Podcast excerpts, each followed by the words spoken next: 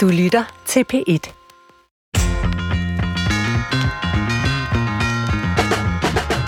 Velkommen til Brinkmanns Brix. Det er forholdsvis sjældent, at vi har en gæst med, der ligefrem må pjekke for at sidde her i studiet med os, men det er faktisk tilfældet i dag, og det skal I nok høre mere om, når vi introducerer vores gæst lige om lidt. Det vi skal tale om, det er at skifte spor i livet. Stop med det, man har gang i, begynd forfra. Og det er en indre lyst, som jeg i hvert fald godt kan ikke genkende til fra tid til anden, men øh, jeg synes også, jeg er ret god til at undertrykke den, måske lidt for god faktisk. Christoffer Heide Højer til ret lækker. Du har jo lavet lidt uh, research. Har du uh, fundet ud af, hvor mange danskere, der rent faktisk skifter job og finder noget andet at lave? Ja, sidste år var det 1 million danskere, der skiftede job. Og Hold da op. Det er jo en meget stor del af arbejdsstyrken. det må man sige, og det bryster diverse eksperter så også om af at sige, at det er simpelthen bare fantastisk, fordi så har vi et dynamisk arbejdsmarked, og danskerne kan simpelthen det ene og det andet og det tredje. Men rigtig mange bliver jo selvfølgelig i samme bane. Ja, det er jo Det er ikke at jo skifte spor på den måde, som vi skal tale om det i dag. Det er jo simpelthen bare et jobskifte. Ja, en lærer, der skifter fra en skole til en anden, Præcis. formentlig, Ja. og den slags. Så noget er der meget af. Men øh, under det, så gemmer der sig selvfølgelig også nogen, der gør det. Altså øh, Ja, ja. fra øh, politibetjent til pædagog, eller psykologiprofessor til bager, eller hvad det kunne være, eller fra Ja. et eller andet til minister. Det, det, det sker jo en gang imellem, at man pludselig skifter karriere, men øh, hvorfor tror du, man har en eller anden nysgerrighed på at gøre noget helt andet? Fordi de fleste vil jo have brugt relativt lang tid af deres liv på at gå og overveje, hvad de skulle være, og så uddanne sig, og så få et job, Mm. og så er man i gang. Hvorfor delen smid det over bord? Altså den der forestilling om øh, livslang ansættelse det samme sted og få den her guldnål eller armbåndsur, eller hvad det nu er, man tidligere har kunne få, eller ovenikøbet en hilsen fra majestaten for langtidstro tjeneste, det er jo ikke et ideal for ret mange, hvis overhovedet nogen. Jeg vil gerne have, have den her idé. Ja, det er godt. Vi arbejder på, at du kan blive her så, Ja. ja. Øh, så, så det er jo nok en del af sådan den almindelige samfundsudvikling, hvor folk øh, får lyst til at prøve øh, flere ting. Altså, og så har vi jo sådan en hel øh, YOLO-kultur, vil nogen kalde den, ikke? Altså, you only live once. Øh, prøv da noget, hvis du har lyst til det. Og har du nogensinde selv ægte tænkt over det, Svend? Altså, for jeg synes faktisk en gang imellem, man lige kan mærke på dig, at du er lidt meget på farten. Ja, Det er lidt mange timer, du bruger øh, rundt omkring i Danmark på at lege klog. Er der ikke en lille lyst en gang imellem til lige at, at droppe det, og så, og bare sidde derhjemme og lege og så blive cykelmekaniker, så kan du gå og, og ordne det, du egentlig synes er fedest? Jeg tror ikke, jeg kan finde ud af andre ting. Uh, jeg kan knap nok finde ud af, at det kan jeg godt, men at, at skifte slange på min egen cykel, men det er ikke noget, jeg nyder. Uh, så det kan da godt være, at tanken lige har strejfet mig. Men et decideret sporskifte, det tror jeg ikke, det bliver til for mit vedkommende. Det, jeg godt kan forestille mig, det er på et tidspunkt at lave lidt færre ting, end det, jeg har gang i nu. Men, øh, men det er jo ikke det, vi snakker om her. Øh, det er jo simpelthen at kaste sig over et område, man ikke tidligere har beskæftiget sig med i sit liv. Det, øh, det, det tror jeg ikke kommer til at ske. Det kommer ikke til at ske. Nej. Men det gør det muligvis, fordi jeg, for rigtig mange andre, fordi det jeg så kunne finde ud af, også i min research, det var, at øh, cirka hver femte går overvejer at skifte job, og en femtedel af dem går overvejer et helt karriereskifte. Ja. Så det er, det er jo relativt det mange, ret der mange. sådan går og tænker, ja, skulle jeg gøre noget helt andet? Øhm, det psykologiske spørgsmål er så, hvis man skifter karriere, hvis man skifter job, hvad sker der så med en? Bliver man også et andet menneske af at lave noget andet? Ja, altså måske ikke et helt andet menneske, men jeg tror da bestemt, at man tager farve ikke bare af den øh, konkrete arbejdsplads, man er på, eller de konkrete kolleger, man omgiver sig med, det har selvfølgelig også betydning, men også af det arbejdsindhold, man laver. Øh, vi ved fra alle mulige professionsstudier, at der er simpelthen forskel på, hvordan man gennemsnitligt er som læge, for eksempel, øh, versus øh, humanist, eller jeg har faktisk selv undervist både øh, på psykologiuddannelsen jo, og, og tidligere, da jeg var studerende, medicinstuderende.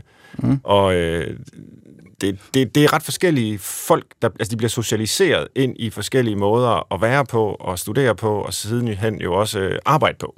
Okay. Så på den måde tror jeg, der er en, en påvirkning. Men jeg tror lige så meget, det handler om, at man har noget i sig som menneske, man gerne vil afprøve og udleve, og derfor søger hen, hvor den mulighed øh, er. Og hvor de ligner en selv.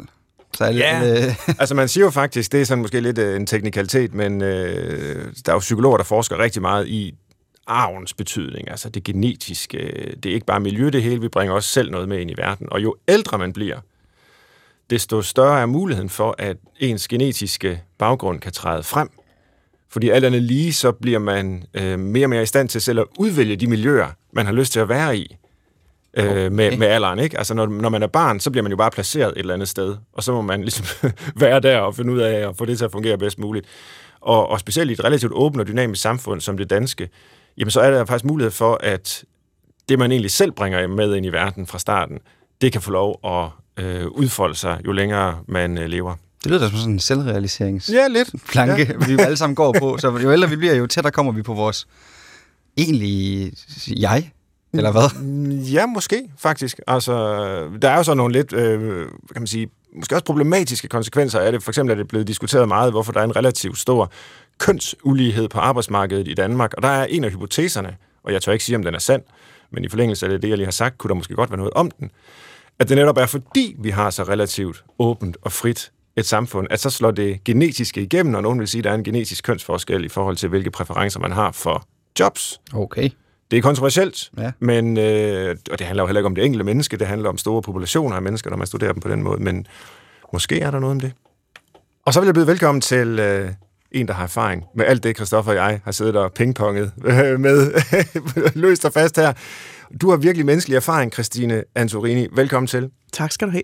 Du er jo simpelthen øh, sygeplejestuderende i dag. Det er rigtigt, ja. Og altså meget ny sygeplejerske studerende. Ja. Hvor længe har du været i gang? Jeg har startet 1. september. Ja. Og hvor længe skal du læse? Det er tre et halvt år, og halvdelen af uddannelsen, der er man i praktik forskellige steder, hvor sygeplejersker er. Ja. Hospital, hjemmeplejen, psykiatrien. Mm-hmm. Har du vendet dig til at blive introduceret som sygeplejestuderende? Du har jo øh, haft rigtig mange andre titler, det skal vi nok også vende tilbage til, og du får lov at udfolde øh, noget af din professionelle biografi her for os, men nu er du sygeplejestuderende og ikke øh, direktør eller minister eller folketingsmedlem. Jeg har, jeg har helt sikkert vendet mig til det som, som titel. Ja. Øh, alene af den grund, at øh, da jeg så startede som sygeplejerske studerende og stoppede som direktør i Lifefonden, som var det seneste, jeg var, ja. så skulle jeg jo ændre min titel alle steder, så der vender man sig til det. Øh, og det var helt tydeligt, folk synes jo også, det var sjovt, at jeg tog det der, og modigt, at jeg tog det der kæmpe skridt. Så på den måde har jeg vendet mig til det. Men det der at være studerende, det tror jeg bestemt ikke, jeg har vendet mig til endnu. Det er jo, det er jo en helt anden verden. Altså alene, at, øh, at jeg jo primært går sammen med unge mennesker, der er yngre end mine egne børn. Øh, og det er, jo, det er jo sjovt og spændende og anderledes ja. på alle måder. Ja, det glæder jeg mig også til at få udfordret øh, noget mere af. Men har du simpelthen, øh, altså, ja, du må jo have ændret e-mail-signatur, du må have ændret øh, visitkort, hvis det stadigvæk findes. Øh, det ved jeg ikke, om du har sådan et, hvor der står Christina Antorini, øh, studerende. Ja, ja, øh, visitkort, det har jeg simpelthen ikke mere, men, det, men jeg er på de sociale medier, og der har jeg jo ændret, øh, hvad jeg laver nu. Og der står der, at jeg er sygeplejerske studerende, ja. og tidligere direktør og tidligere minister. Okay, ja. ja. Og øh, nu har vi jo Christoffer og jeg sidder og snakker lidt om det her med, om det ændrer ens identitet. Øh, øh, de her eksempler med, hvad står der på ens sociale medier, hvordan præsenterer man sig selv, det er jo sådan et meget håndfast udtryk for, hvem er jeg? Det er sådan her, jeg gerne vil ses og modtages. Altså føles det som en identitetsforandring? Altså helt konkret, så betyder det jo, at jeg, altså, folk stopper mig på gaden. Øh, de, de har set det, og det, det bliver bemærket meget. Øh, og folk har lyst til lige at gå hen og give en klap på skulderen. Ja. Altså det må jeg sige, det har jeg aldrig prøvet med et titelskifte før på den måde. Så, så det i sig selv er jo en, en forandring. Men jeg synes ikke, at mit identitet er blevet anderledes. Nu, nu havde I jo, kunne jeg høre, en uh, diskussion, en psykologisk diskussion ja, omkring, ligesom ja. mere og mere fandt sin egen vej, jo ældre man blev. Og det er ikke, fordi jeg har sådan haft et indre kald, at jeg skulle blive sygeplejerske. Det synes okay. jeg ikke, jeg har haft. Nej. Jeg har længe haft en stor interesse i at lære sundhedsvæsenet at kende indenfra. Og, øh, og den snak, som jeg begyndte vel nok først med min mand for et par år siden, det var sådan egentlig, jamen, hvad kunne jeg egentlig? Altså, jeg har virkelig gået og tænkt over, altså, hvad er det egentlig, jeg har lært igennem de der mange år, hvad jeg har lavet som politiker og senest i Lejefonden. Og jeg tror, jeg er sådan en slags djøf-politiker, men det er sådan lidt mærkeligt håndværk. Og så tænker jeg, når jeg sådan blev ældre, og hvis jeg skulle noget andet, altså hvad i alverden kunne jeg bruge til det? Ja. Øh, det der djøf-politiker og håndværk til noget. Og selvfølgelig kan jeg godt blive aktiv i en lokal forening, og jeg er ret god til at lede møder og referater og få beslutninger til at blive til virkelighed, men sådan som håndværk, Øh, og der har været meget fascineret af sundhedsområdet, og faktisk i starten overvejede, om det var social- og sundhedsassistent, jeg skulle blive, fordi jeg kunne virkelig godt se mig selv komme ud og virkelig at lære at arbejde med mennesker i forskellige typer af det kunne være som patient, men det kan selvfølgelig også være som en ældre medborger eller så videre, men det blev så sygeplejerske. Hvad ligger der i det der drift-politiker, du benævner dig selv som? Det er fordi, altså, selvom jeg har... typer af politikere, eller, eller hvordan? Ja, men det, det er nok fordi, jeg Altså, jeg har jo været politiker i rigtig mange år. Ja. Øh, været medlem af Folketinget i vel 15 år, og fire af dem som, øh, som børne- og undervisningsminister. Så man kunne også sige, at jeg bare var politiker. Men det, jeg har fundet ud af gennem årene, det er, at øh, jeg har en enorm fascination af og respekt for det embedsmandsværk, jeg har arbejdet med. Og så er, har jeg måske også en lille stadigvæk en skænpoler i min mave. Jeg er uddannet halvt i statskundskab fra Aarhus Universitet, og så Okay. kommunikation ovenpå ja. fra RUK. Øh, og, og jeg kan godt mærke, at jeg kan lide den disciplin. Altså det der med at være en dygtig embedsmand, det er sådan virkelig, altså det er jo ikke bare at skrive notater, det er at forstå det politiske spil, det er at arbejde med sådan gode beslutningsoplæg. og Sådan. Altså det har jeg meget respekt for. Så som politiker, så har jeg nogle gange simpelthen haft svært ved at gå meget langt i at bare have politiske holdninger, mm. eller at gå efter manden i stedet for bolden. Og, og det er Ja. ikke fordi, jeg ikke har gjort det, det kan man helt sikkert finde eksempler på. Jeg er bare ikke rigtig god til det. Altså der er også nogen, der har sagt, Christine, du er måske lidt for savlig nogle Ja. ja. gange. Derfor så, ja, og jeg tror, det egentlig er meget rigtigt. Jeg er en djøf-politiker. Jeg er en udmærket politiker. Jeg er en udmærket djøffer. Men jeg er hverken den mest fantastiske djøffer eller den mest fantastiske politiker, for jeg ligger et eller andet sted derimellem. Så Det er måske noget med at være en politiker, der godt kan lide at have, det er jo sådan en udbredt metafor, fingrene nede i maskinrummet, ikke? Er det ikke ja. Det, man, man taler om? Øh, at trække i håndtagene og smøre tandhjulene og sådan noget, øh, og have respekt for øh, de folk, som, som går og, og laver arbejdet der, lovgivningsarbejdet og så videre. Det er det helt sikkert, og, og hvis jeg skal sætte et andet ord på det, jeg har fundet ud af, hvis jeg overhovedet har fundet ud af noget igennem mine mange år, jeg er 58 år nu, bare for at lige øh, sådan have en eller anden billede af det, så, øh, så er det, at øh, jeg godt kan lide at arbejde med organisation og ledelse. Mm-hmm. Jeg kan godt lide at arbejde med mennesker. Jeg kan godt lide, at man sammen med andre kan flytte noget fra et sted til noget andet. Øh, og det kan man sige, det gør man også som politiker igennem en holdningsdebat med dem, der, der hele apparatet, det med, der, der er de udøvende, det er jo ofte embedsmandsværket. Og, og, og det er den del, som jeg er glad for. Derfor synes jeg også, det var fantastisk, da jeg så fik muligheden for at blive direktør i Livefonden. Fordi der fik jeg pludselig, altså reelt muligheden for at være helt tæt på praksis øh, med elever og naturvidenskab og teknologi og være med til at flytte noget et andet sted hen. Og det kan jeg godt lide. Men det er måske også det, som jeg er nået frem til, at det fylder rigtig meget. Ja. Lige så glad jeg er for det, så tager det også meget min tid. Altså, jeg kan virkelig godt lide at arbejde. Hvis man skal sætte et prædikat på, så kan jeg bare virkelig, virkelig godt lide at arbejde. og det fylder for meget, og det fylder simpelthen øh, for meget. Så hvis jeg overhovedet er nået til en erkendelse i mit liv, så er det, at, øh, at arbejdet skal fylde mindre. Okay. Ja. Ja, for jeg har jo siddet og tænkt nu, øh, hvor du har fortalt om, om det her, og jeg vil gerne sådan bede dig om at udf- udfolde øh, din, din vej gennem arbejdslivet, fordi jeg synes virkelig, det er interessant, hvad, hvad du har bedrevet og beskæftiget dig med. Men det lyder jo som om, at du faktisk har følt dig utrolig godt tilpas. Altså, du taler med stort engagement og stor passion og stor glæde i stemmen Ja. om at være øh, politiker og minister og direktør osv. Så, videre. så handler det simpelthen bare om, at du nu vil øh, et sted hen, hvor arbejdet fylder mindre i dit liv? Er, Ja. er det derfor, du har skiftet? Det er derfor, fordi for ellers så var jeg bare fortsat der, hvor jeg var. Altså, Ja. Jeg var virkelig glad for det. Ja. Øh, altså, jeg, jeg mødte en, øh, og det, det skal jo med i historien, jeg mødte en dejlig mand for fire år siden, Jan, som jeg er blevet gift med. Øh, han er to år ældre end mig, og det vil sige, at vi nærmer os de der, de der 60'erne. Og det har der helt klart været med til at starte nogle diskussioner hos os. Altså, hvis jeg nu ville have været gift med hinanden i 30 år, Mm. så tror jeg egentlig, jeg var fortsat med det arbejde, jeg havde. Altså fordi, så havde jeg altid til det. Men nu er jeg i et friskt kærlighedsforhold, og vi vil rigtig gerne nå meget med hinanden Ja, ja. de, i de næste 10 år. Nu siger jeg bare 10 år, til vi bliver 70. Men altså lang tid, inden vi pludselig dig som kul, hvad man jo også godt kan den dag i morgen. Mm. Og så er nødt til at have nogle andre balancer i livet. Og det var faktisk med til at starte snakken om, hmm, ikke at gå på tidlig pension, det kan jeg slet ikke se, at jeg skulle. Altså, så kunne jeg trappe ned, og så kunne jeg have et par bestyrelsesposter og lave noget frivilligt arbejde. Ej, det synes jeg simpelthen, jeg er bare for ung til, ikke? Men så var det sådan det med, mm, kunne man noget andet? Og det var der, hvor jeg ligesom øh, hang fast i det der med at være djøf-politiker, fordi hvis jeg bare skulle lave en light-udgave af det, jeg gør nu, så ville jeg hellere have hele pakken. Mm. Og så begyndte vi at lege med tanken, hvor Jan udfordrer på, jamen hvis du skulle noget andet, hvad skulle det være? Og så kom sundhedsområdet igen på banen, som er noget, jeg bare har syntes var spændende. Ja. Men tag os lige igennem øh, dit arbejdsliv. Øh, det, kunne- det, det kunne selvfølgelig fylde rigtig meget, fordi du har haft et, et langt og spændende øh, liv med, med alle mulige ansvarsfulde stillinger. Men, men vi kan jo sådan set fortælle historien bagfra, før du begyndte på at læse det sygeplejerske. Der var du direktør i Lifefonden. Fonden, Hvad er det for noget, og hvordan var det? Det er et øh, initiativ, som udspringer af Novo Nordisk Fonden, som øh, gerne vil sætte sådan et altså, virkelig sætte nogle økonomiske muskler bag i at lave øh, tilbud til børn og unge i hele Danmark i, øh, i grundskolen og ungdomsuddannelserne til, hvordan man kunne eksperimentere med samfundsrelevante problemstillinger, bruge forskning fra virksomhed og universitetsmiljøer, også selvom man gik i 4. klasse, for eksempel. Mm. Så det var det, øh, jeg har lavet i fem år, og ja. var med til at bygge initiativet op fra en øh, rigtig god projektbeskrivelse til, vi nu er i fuld gang rundt omkring i Danmark. Det lyder utrolig spændende. Mega spændende, og jeg, og jeg er super stolt over det. er jo mange menneskers drømmejob, det der. Og jeg vil også sige, altså, jeg ved, at det kom som en kæmpe overraskelse for alle, da det var, jeg sagde, øh, faktisk for et år tilbage, til min bestyrelsesformand først, at, øh, at jeg overvejede sådan stille og roligt, øh, at øh, finde en måde, hvor jeg skulle noget helt andet. Ja.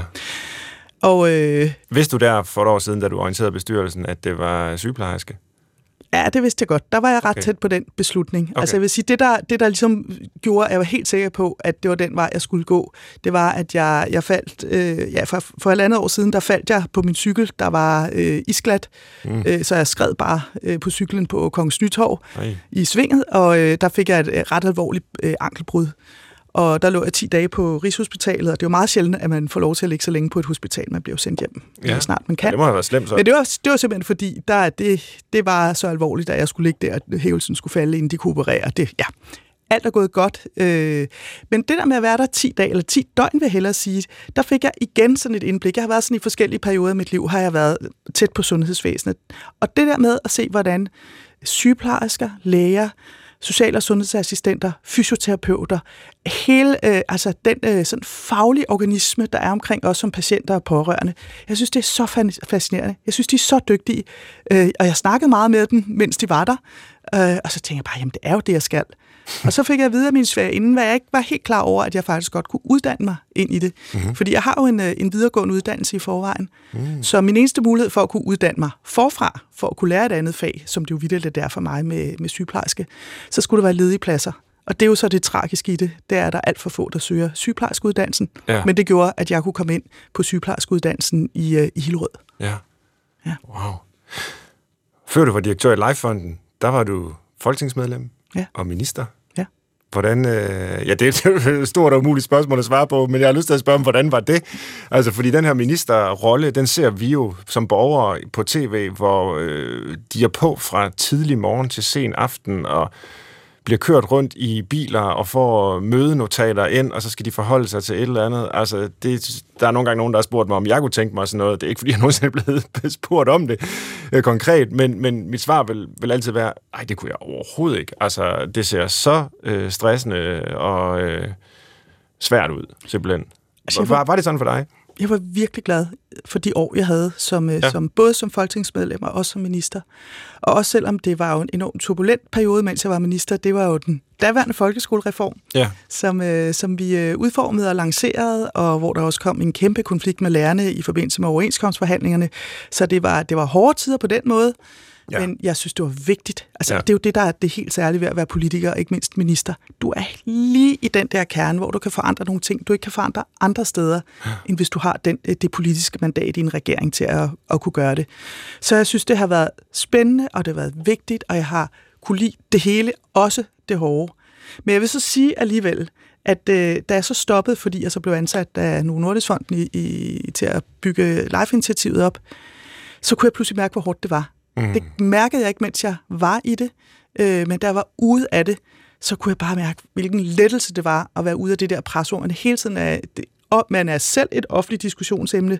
Ja. Øh, det handler meget om, øh, man skal nakke de andre. Øh, der er et, et sprog, øh, og det gælder både adfærd politiske kollegaer imellem, men også i forhold til, hvad der er i offentligheden. Øh, de sociale medier synes jeg har været, øh, det, det er helt grænseløst nogle gange, hvordan øh, folk det skriver det. Der var i perioder, hvor jeg simpelthen ikke læste, hvad der blev skrevet i kommentarer, fordi det påvirkede mig alt for meget. Mm. Men alt det der, det mærkede jeg først, da jeg stoppede. Og jo længere tid jeg havde været væk fra det politiske, hvor, jo mere kunne jeg mærke, at nogle af mine politiske kollegaer, der er der stadigvæk, som er i et eller andet krydspres, uanset om jeg er enig med dem eller ej, så kan jeg simpelthen mærke det helt inden, mm. altså helt inden øh, ved hjertet, hvor hårdt det er at, at være politiker. Ja. Og derfor er jeg også sådan helt afklaret, at jeg skal ikke være politiker mere. Jeg har nyt det hele, fantastisk sted at være. Jeg kan kun opfordre til, at man går ind i politik, øh, men jeg har været der. Jeg mm. synes også 15 år, så har jeg også været der. Ja. Jeg nævnte før, at øh, det at være direktør i en fond, det må være et drømmejob, hvis man er djøffer. øh, eller har den baggrund, statskundskab, kommunikation, det har du. Det at være minister, det må være et drømmejob, hvis man er politiker. Øh, det er jo det, man går ind i, øh, i, i, i den branche, hvis man kan kalde det det, øh, for. Altså den ultimative øh, position og, og måde at få indflydelse på. Og jeg håber jo, at alle dem, der vælger at læse til sygeplejerske, også ser øh, det job som drømmejobbet for dem. Men, men når jeg siger det på den måde, så er det jo nok også, fordi der er jo trods alt i, øh, du nævner selv, der er det tragiske, at der ikke er nok, der søger ind på de her uddannelser. Der er faktisk ledige pladser. Altså, der er jo på en eller anden måde en prestigeforskel, øh, som, altså, det er jo noget af det vigtigste, man kan i hele verden, det er at være sygeplejerske, eller det er at være pædagog, eller det er at være skolelærer. Men, men vi kan nok ikke komme udenom, at der er den her prestigeforskel. Øh, man, man, man, altså, der er forskellige anseelse for de her jobs. Har det fyldt noget som helst for dig? Øh, altså det der med at skulle fortælle folk, nu skal jeg til at læse til sygeplejerske. Øh, jeg har været minister, jeg har været direktør, og nu skal jeg være sygeplejerske. Det synes jeg ikke har fyldt. Nej. Det synes jeg tværtimod har været sjovt at, ja. at ligesom høre reaktionerne fra folk, men, men det, der har fyldt noget, det var inden jeg sagde det sådan, mens jeg var i min afklaring, og det var jo kun min mand og nogle få af de nærmeste ja. venner, jeg kunne, kunne tale med det om. Øh, og han udfordrede mig på, om jeg kunne være i, at øh, prestigen, altså jeg ville rykke længere væk fra, lad os bare sige, magtens centrum, mm. eller øh, vigtigheden i offentlighedens centrum.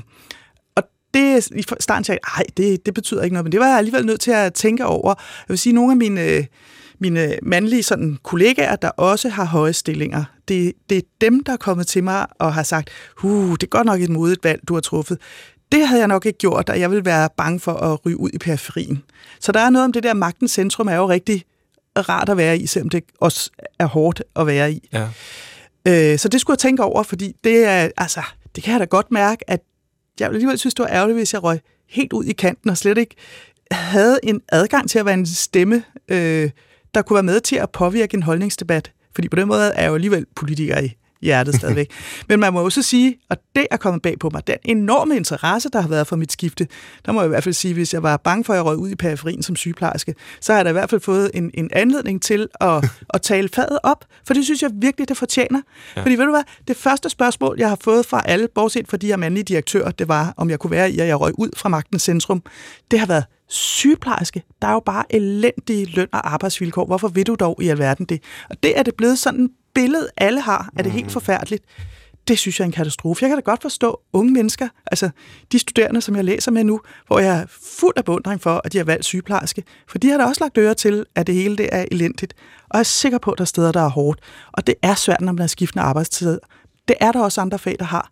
Og jeg tror altså også, der er et andet billede. Men det kan jo være, når jeg kommer ud i praktikken, ja, ja. og det viser sig, at øh, de havde fuldstændig ret. Men jeg tror nu alligevel, fordi, og det, at jeg har jo også fået mange hilsner fra sygeplejersker på det ja. her, som bare har sagt, Christine, tak fordi du har valgt vores fag, og velkommen til. Du er blevet rigtig glad for det, og hvor er det skønt, at du også kan se, at det er et fag med muligheder. Ja.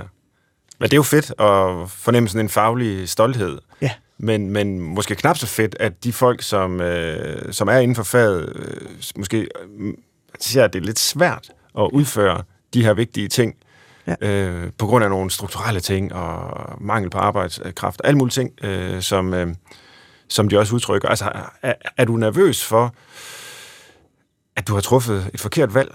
Altså simpelthen, at det er, det er, det er som øh, fordommene siger, det, det er ikke særlig sjovt, og øh, der er mange, der mistrives, og der er mange, der må gå på deltid og til sidst forlade faget. Jeg tror, det betyder meget, at jeg har et øh, langt arbejdsliv i bagagen. Ja. Så jeg har noget at trække på. Ja. Øh, jeg kan godt forstå, hvis man kommer ud som ung og nyuddannet, og hvis man kommer et sted, hvor der er underbemanding, øh, og tingene skal bare fikses, øh, så, så er det altså svært, hvordan man får sit fodfæste, medmindre man får nogle gode relationer til sine kollegaer.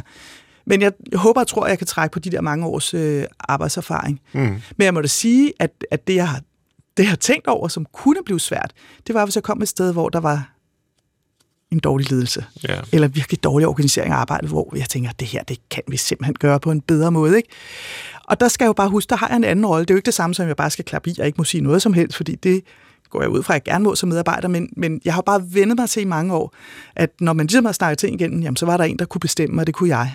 Ja. Og nu kommer jeg ud, og det kan jeg ikke længere.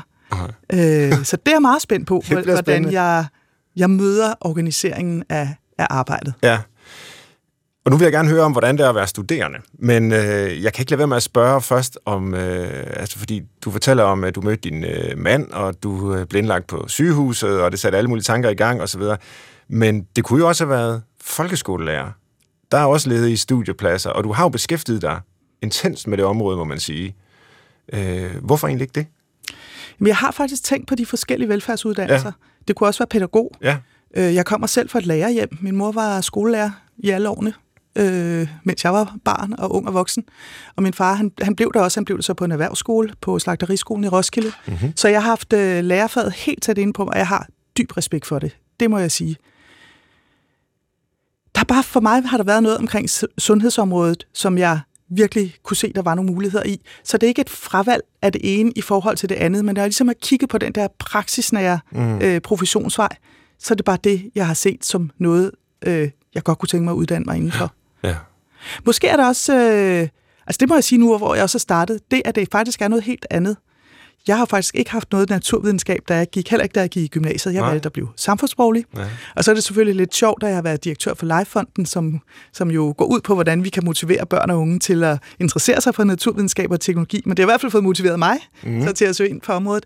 Så det er jo helt nyt. Altså jeg sidder jo og læser anatomi og øh, fysiologi og mikrobiologi. Og, altså, det er jo helt forfra for mig. Og jeg synes, det er super spændende. Jeg synes, det er ja. møgsvært og super spændende, og jeg læser virkelig, og jeg sidder med fysiske bøger. Det er der jo ingen af dem, der gør. De sidder jo med, det er jo e-bøger, de har alle sammen. Ikke? Jeg kan godt lide at have en bog, hvor jeg kan sætte streger i og små noter i siden, og tager mine noter ved siden af. Og sådan. Øh, men det er også, fordi det er et nyt stofområde, og det er så sjovt. Altså lige nu må jeg nødt til at sige, at jeg har det næsten som om, jeg er på højskole. Jeg har den gave, at jeg lærer noget helt nyt, og tænker, jeg kan bruge det på et tidspunkt også. Altså. Ja. Ej, du sælger det også godt, Christine, og det er smittende at høre dig beskrive, øh, hvordan det er. Og er sjovt. Jeg vil også helt klart have, været, øh, have, have valgt den fysiske bog, hvis jeg skulle begynde på et studie nu. Øhm, man husker det også bedre, end hvis man læser på en skærm, siger de. Nå. Men det? Ved ja, det? Det, det, det er der faktisk uh, studier, der, der viser. Så det siger jeg til alle de Det, det skal andre. nok gå til eksamen. Men hvordan ser din hverdag ellers ud? Altså, som studerende? Som studerende. Hvor mange, øh, hvor mange timer går du til, og hvordan er det? Vi har fuld schema. Ja, okay. 41 timer om ugen. Det er jo ikke, fordi vi har schema schema 41 timer om ugen, men det er ikke sådan, at halvdelen det så er, at vi kan sidde og læse vores lektier. Nej. Der er et fyldt schema, øh, og man forventer meget læsestof for inden, sådan at man er velforberedt, når man kommer til undervisning. Og jeg er vild med det. Mm. Altså, der er bare høj ambition. Det er erfarne sygeplejerske som underviser. Det var jeg også lidt spændt på, mm. det, behøv, det kunne også godt være nogen, øh, med alt respekt, nu sidder over for dig, og du er øh, underviser på et universitet, men der er jo lidt med professionsuddannelserne, at mange af underviserne ikke nødvendigvis er uddannet inde i faget, ja. men, øh, men, øh, men øh, har uddannet sig inden for discipliner af faget. Men det der med, at det både er sygeplejersker, og de faktisk ved rigtig meget om grundfagene, anatomi, fysiologi, mikrobiologi osv., det giver en enorm autoritet, for de kan hele tiden oversætte teoretisk stof til, hvad er det, vi så skal bruge det til som sygeplejerske. Det er jo ikke os, der sætter diagnoserne, det gør lægerne, men vi skal, skal forstå det univers, vi er en del af, og det er tit også som sygeplejerske, som har dialogen med, med pårørende og med patienter om, hvad er det egentlig, der sker, hvad er det, bliver sagt, hvad er det, der er rundt omkring den sygdom, eller hvad det nu er, de mm. har som udfordring. Noget, vi ved, der er meget vigtigt for studerende, og på mit universitet gør vi rigtig meget ud af det. Det gør man jo alle steder, men, men vi tænker virkelig meget over det. Det er jo at skabe altså, god, øh, et godt socialt liv, ja. et studiemiljø. Mm. Øh, det, det fastholder de studerende, det gør, at de ikke går ensomme rundt, de er med i læsegrupper, der er hyttetur, der er fredagsbar, der er alle de der ting.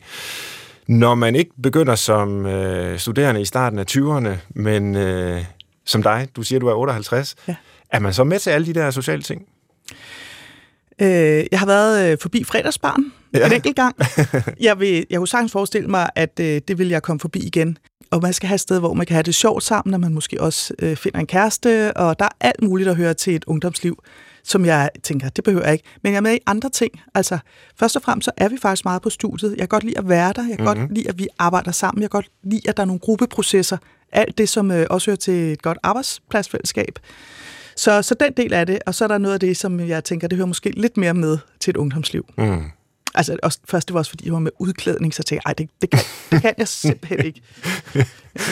Hvordan er du blevet taget imod af dine medstuderende? Fordi mange af dem har vel vidst, hvem du var? Jamen, det er jo rigtig sjovt, og jeg har tidligere fået det at vide, og fik det bekræftet, da jeg mødte op her. Altså, man skal ikke tro som politiker, at der er nogen under 40 år, altså når man selv er en gammel politiker, der ved, hvem man er. Okay. Øh, jeg taler til vælgere, der er nogenlunde på min egen alder og ældre. Ah. Øh, så har jeg fået at vide, og jeg må i hvert fald konstatere, at da jeg kom til første skoledag der 1. september, der var der ingen af de unge, der vidste, hvem jeg var. Ej, hvor sjovt. Lærerne vidste det godt, Ja. øh, og har håndteret det rigtig fint. Det er først nu sådan lidt i pauserne, sådan, så kan man godt snakke lidt om, hvad man har lavet. Og sådan. Øh, men de unge, det er jo, så sidder man jo der, så sad vi som nogle grupper der, en 6-8 stykker, og vi skulle fortælle, "Nå, hvad du lavet, før du kom her på studiet? Ikke? Og, og der havde jeg bare besluttet mig til, jamen jeg svarer på, hvis det er det, jeg skal, ikke? Så, så sagde jeg, jamen jeg har været direktør for noget, der hedder Livefonden. Og der, der var ingen, altså det var ikke engang, at de sagde, nå hold da op, eller noget. Nå, nå, fint nok sådan. Og så gik der lidt tid, og så, og så, øh, så var der pludselig en, der sådan vendte, vendte sig rundt, og så kiggede hun på mig og sagde, Gud, Jamen, har du ikke været i Godmorgen-tv? Siger hun så lige pludselig. Så siger jo, der. Ej, men jeg synes nok, jeg havde set dig før, ikke? Og så var det fordi, at jeg havde været i Godmorgen-tv med det her jobskifte. det ikke? her, Det var ikke ja. fordi, uh, hun pludselig kunne huske, at jeg havde været politiker eller minister eller sådan noget. Så, så det er bare meget sjovt, og jeg synes, det er mega fedt, at jeg kan komme, og de Ja. ved ikke, hvem jeg er. En anden, de tænker, Nå, hun er da nok lidt oppe i årene hende der. Og de er positive og nysgerrige, og falder ikke bagover, øh, bare fordi jeg har den der lange karriere. Nej. Det lyder jo egentlig meget befriende, altså, at de, de ikke har alle mulige fordomme om en. Ja, eller, eller tror, at jeg kan alt muligt. Ja, ja, Fordi eller- der er ja. alt muligt, jeg ikke kan. Altså, jeg sidder ja. også, det kan jeg lige så godt, jeg sidder faktisk, når de sidder på deres speciale, jeg sidder og kigger dem over skuldrene, fordi jeg ved, der er programmer, jeg ved, der er måder at arbejde på, sådan moderne studieformer, som, som jeg jo aldrig har haft. Øh, så jeg lærer også. Øh, jeg har sådan lidt sidemandsoplæring. Ja. Jeg er lærling på, sådan, hvordan man bruger teknologi ind i undervisningen. Har du fået mere fritid så? Fordi det lød jo indledningsvis som om, at det var noget af det, der betød meget for dit valg af at skifte. Altså, jeg, kan, jeg, jeg ved det egentlig ikke så meget nu, og det er Nej. fordi, øh, jeg startede 1. september, men jeg sluttede faktisk først i Livefonden øh, den 29. september, så jeg havde lige en måned, hvor jeg var begge steder. Det var okay. lidt hårdt. Ja. Men alligevel vil jeg sige, på den korte tid, jeg har haft nu, hvor jeg kun kan fo- fokusere på studiet, der kan jeg mærke, at det er en helt Altså, det er noget andet, der sker. Jeg bruger meget tid på at læse de her fag, som jeg synes er svære, og jeg ja. vil gøre mig umage med for at lære dem.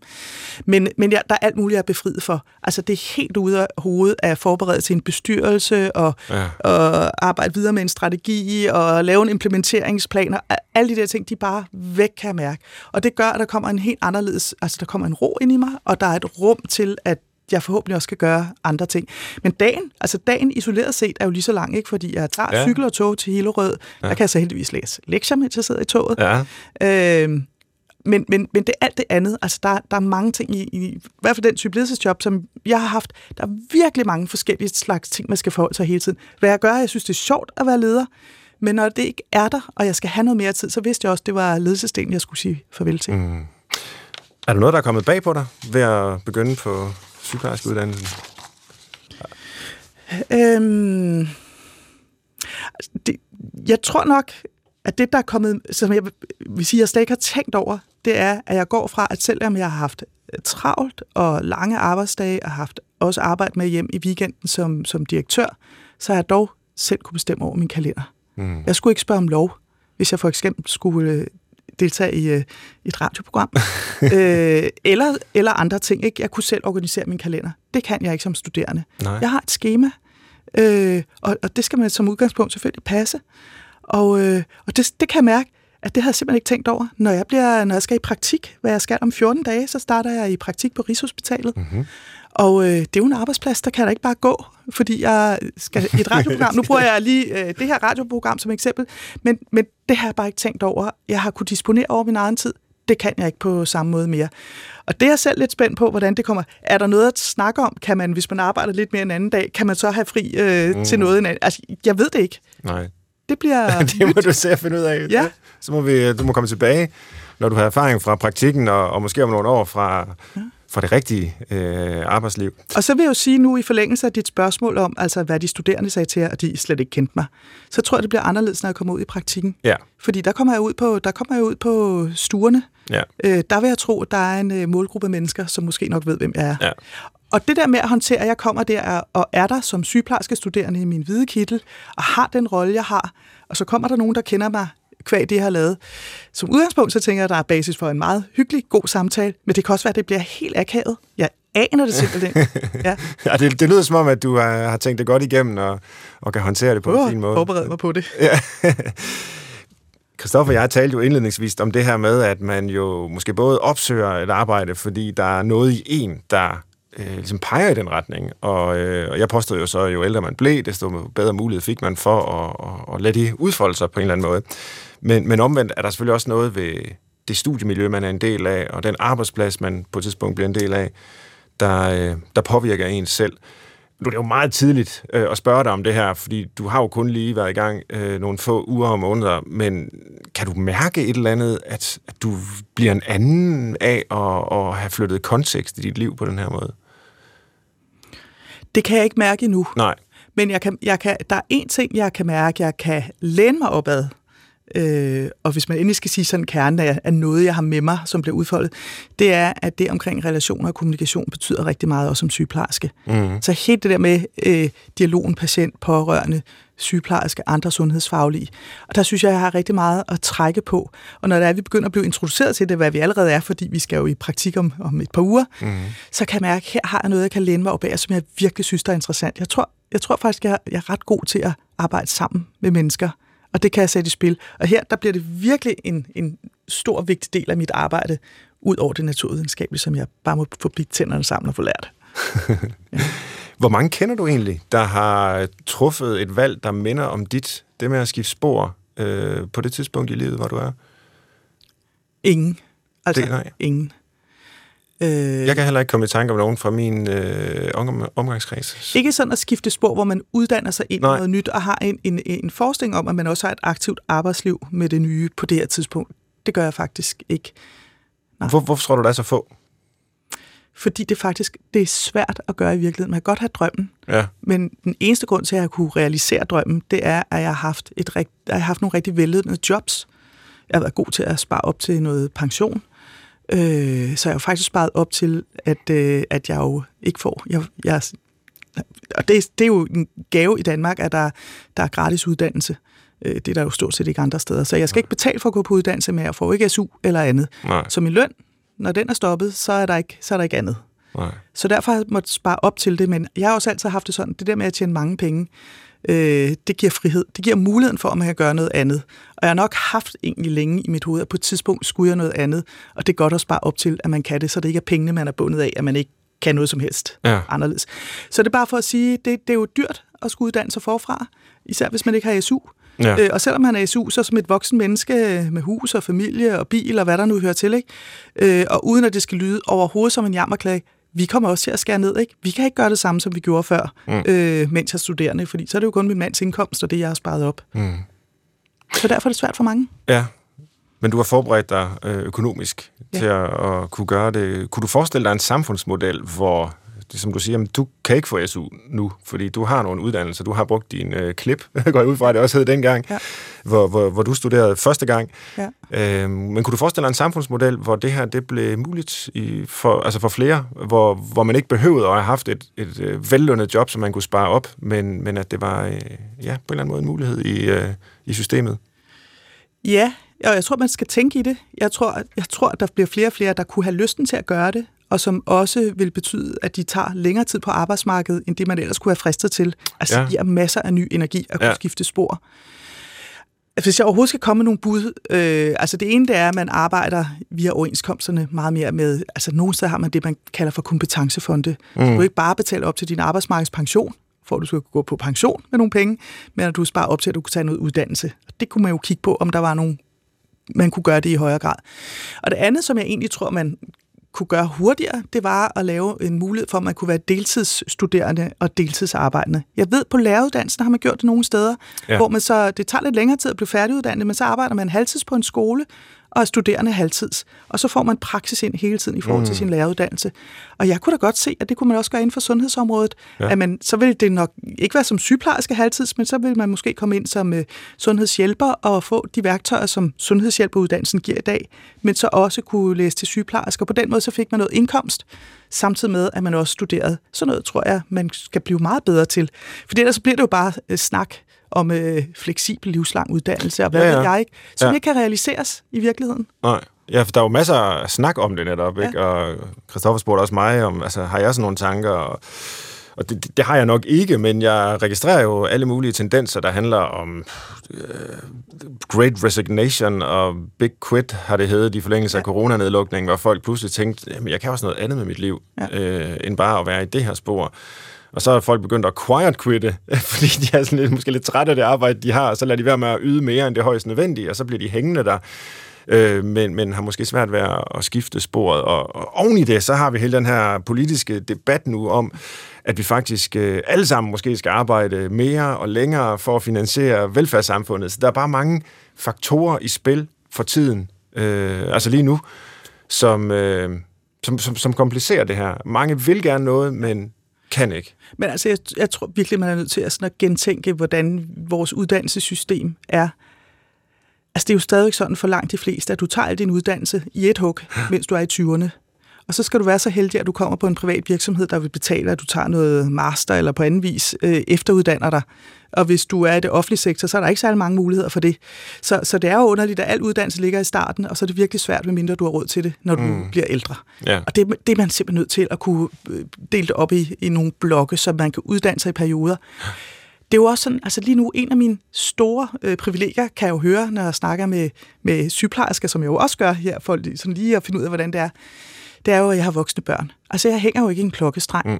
Øh, derfor kan jeg også øh, sagtens tage et par timers ekstra vagt, hvis det er, uden at det er planen for, hvem der henter ungerne, bryder sammen. Ikke? Og det er jo et kæmpe privilegium, at vi bliver trods alt alle sammen så voksne, at vores børn flytter hjemmefra. Mm.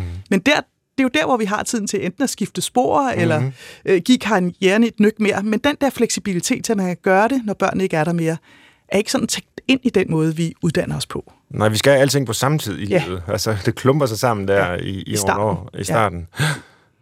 Jeg vil godt lige bryde ind med en lille, øh, lille eksperimentstanke til dig, øh, Christine, fordi jeg har hørt om et, øh, et skoleprojekt, hvor man havde altid problemer med, at ingen gad at sidde i skolebestyrelsen.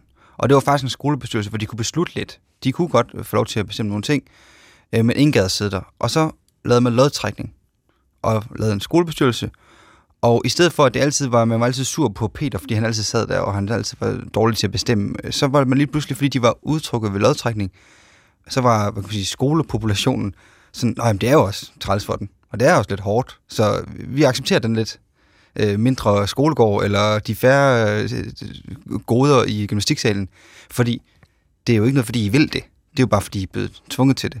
Mm. Og så for at lave en øh, spejling over på det her med, at du gik, du er gået fra direktør og minister til at være studerende, kunne man lave den omvendte? Kunne du tage en medstuderende ind, og så sige, nu er du minister. Tror du, der vil være noget at vinde i det der med, at man får nogle helt andre øh, øjne på øh, det, som du har lavet rigtig mange år? For jeg tænker, du, som du har beskrevet, kommer ind i sygeplejefaget med masser af erfaring, med masser af, måske ikke konkret viden, men så i hvert fald viden om alt muligt andet.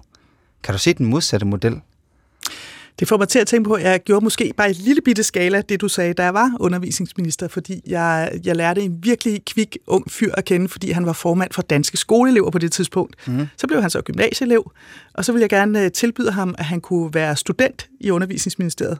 Der plejer man så at være startet på sin universitetsuddannelse, når man bliver studenter med hjælp af ministeriet. Men der er sådan set ikke noget lovgivning, der forhindrer, at selvom okay. man er 16-17 år, så kan man blive ansat som studenter med hjælper.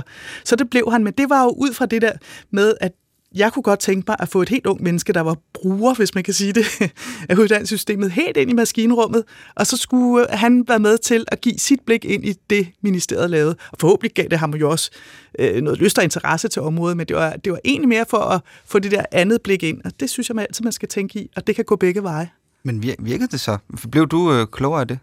Ja, og jeg ved især, at nogle af de embedsmænd, der fik lov til at arbejde med ham, for de synes simpelthen, det var så sjovt at få det der kvikke, meget unge menneske ind øh, og være med i nogle projekter. Så ja. Hermed opfordring til alle ministerier, vil jeg sige. Find, find 16 år i studenter find nogle skoleelever og, og, og smid dem ind. Ja, måske ikke lige på alle ministerier, men... Uh... Nej, og måske heller ikke kun ministerier. Nej. Uh, man kan jo tænke sig alle mulige, uh, også private virksomheder, som virkelig kunne have gavn af, at trafikken også gik lidt den anden vej. Altså, medierne elsker en historie som din, hvor en person med en høj stilling, magt gennem mange år, vælger et helt andet spor, begynder forfra på en uddannelse, og så uh, gå den vej, ikke? øh, toplederen, der bliver postbud, øh, den, der tager en meritlæreruddannelse efter at have haft en stor virksomhed og, og vil undervise børn. Vi elsker de historier. Og du mærker også den varme og opbakning og klap på sku, og det er for, fuldt fortjent. Men det kunne da være sjovt også med en anden type historie, altså den, der gik i modsat retning. Altså man kan jo ikke bare gå fra at være postbud til at være topdirektør. Det ved jeg godt.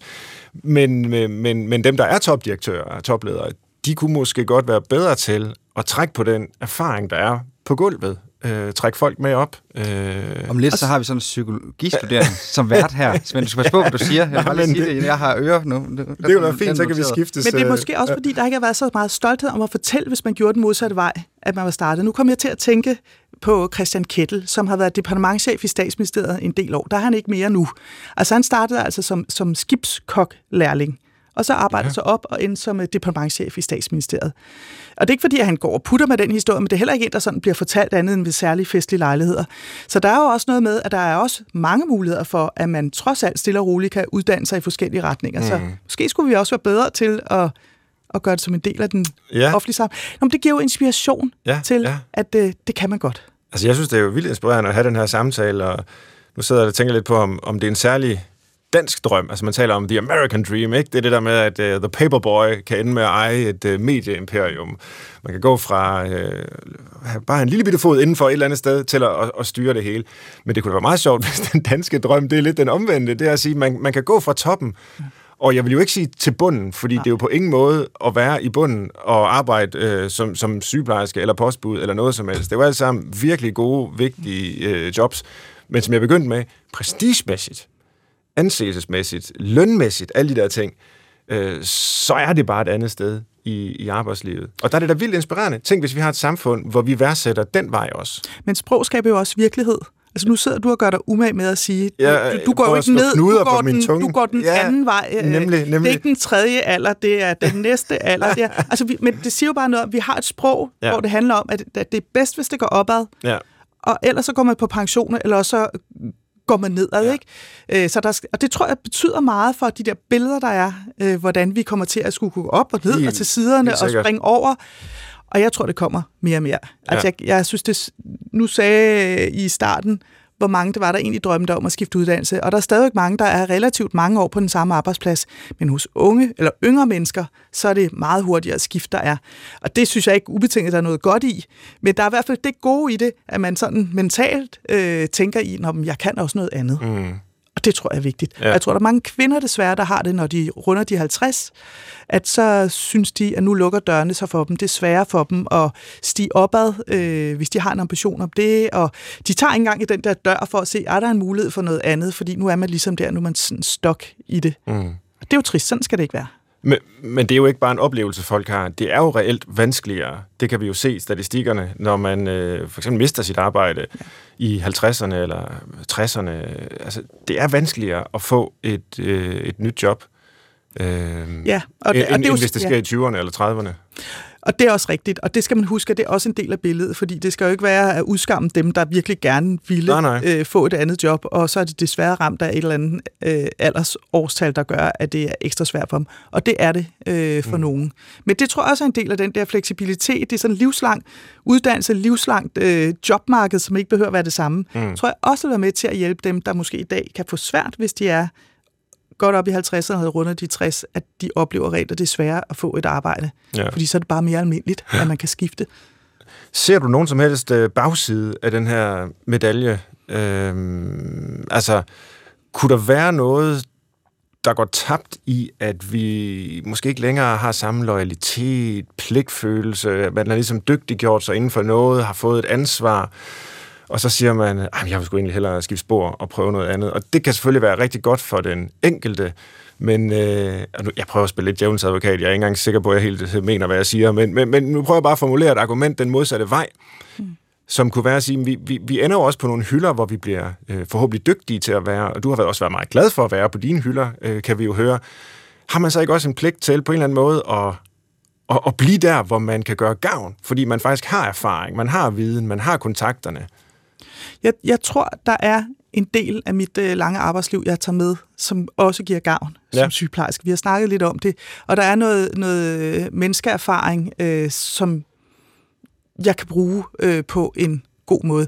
Jeg synes ikke, det er at svigte en, en arbejdsplads.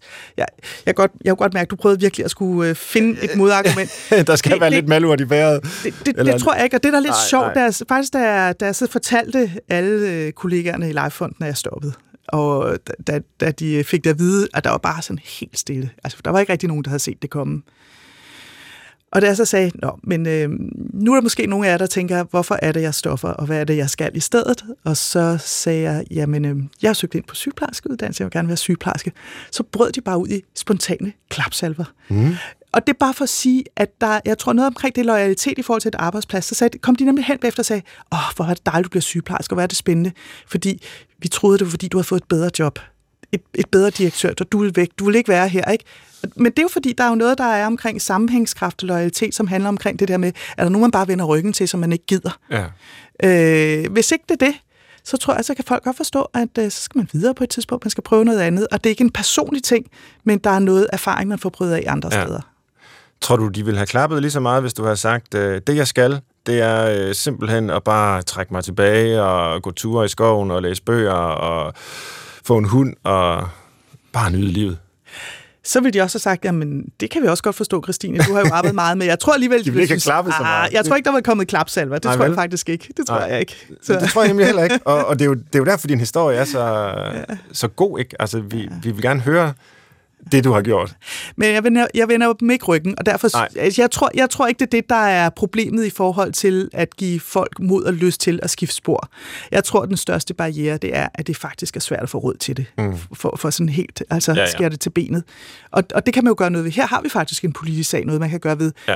Hvis jeg overhovedet har tænkt noget, så er det, om jeg kan være bekendt at tage en uddannelse så sent i livet. Ikke? Fordi øh, i bedste fald, så lad os bare sige, at jeg kan arbejde til jeg er 70. Mm. Øh, men det alligevel, er, at det at kunne arbejde sådan fuldt din otte års tid, efter jeg er færdig med min uddannelse, er det nok? Altså har samfundet råd til, at man sådan skifter på den måde. Det synes jeg jo også er en, en legitim øh, snak at have. Jo, men det er vel også lidt konstrueret, fordi du tager ikke pladsen for nogen. Der er mangel på sygeplejersker. Det kan man så øh, sige. Jeg kunne slet ikke altså, være blevet det, hvis ikke der var sygeplejersker. Nej, det, det så, er rigtigt.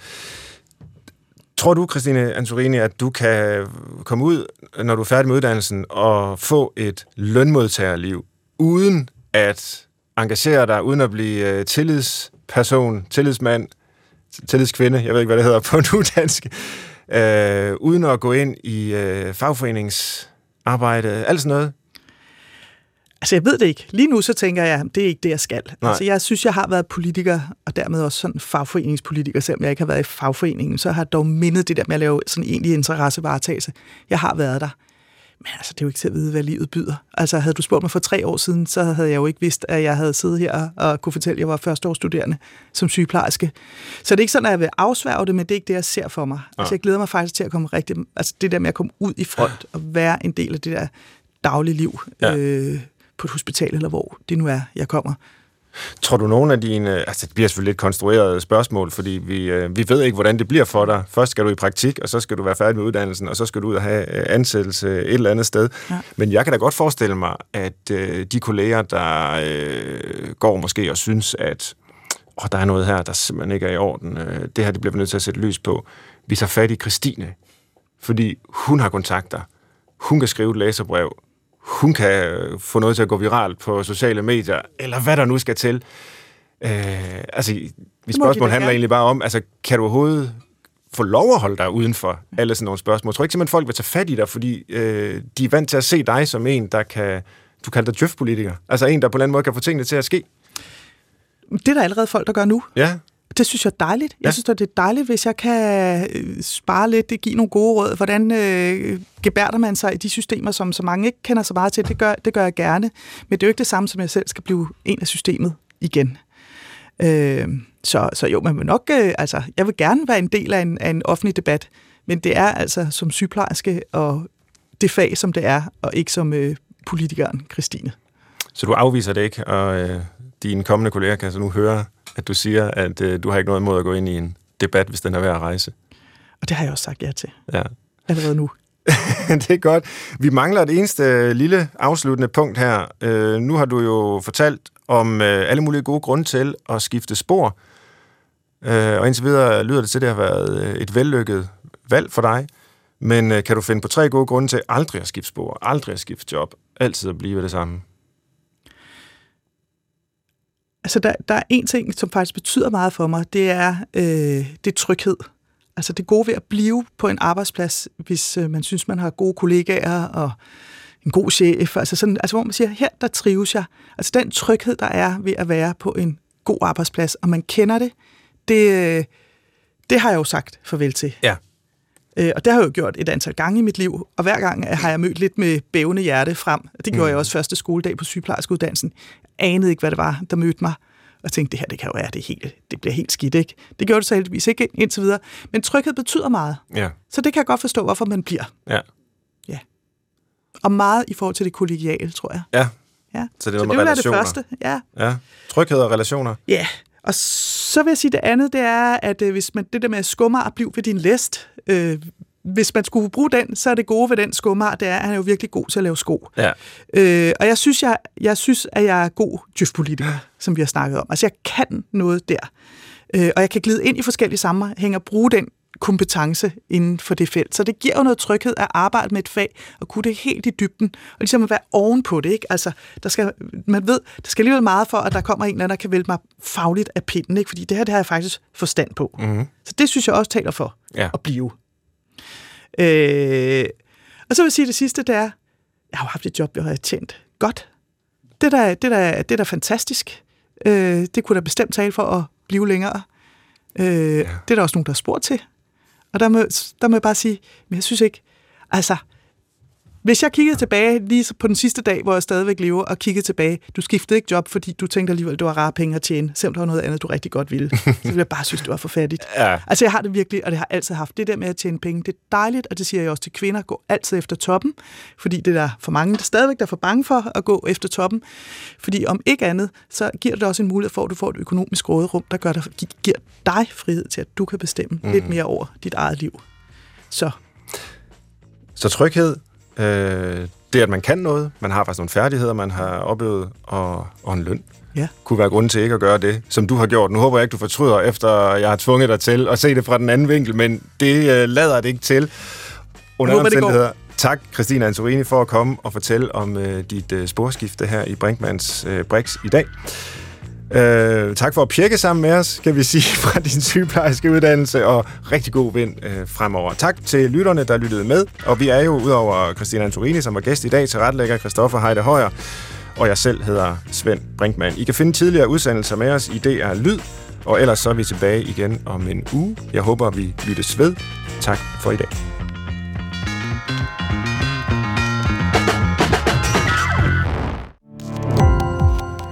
Gå på opdagelse i alle DR's podcast og radioprogrammer. I appen DR Lyd.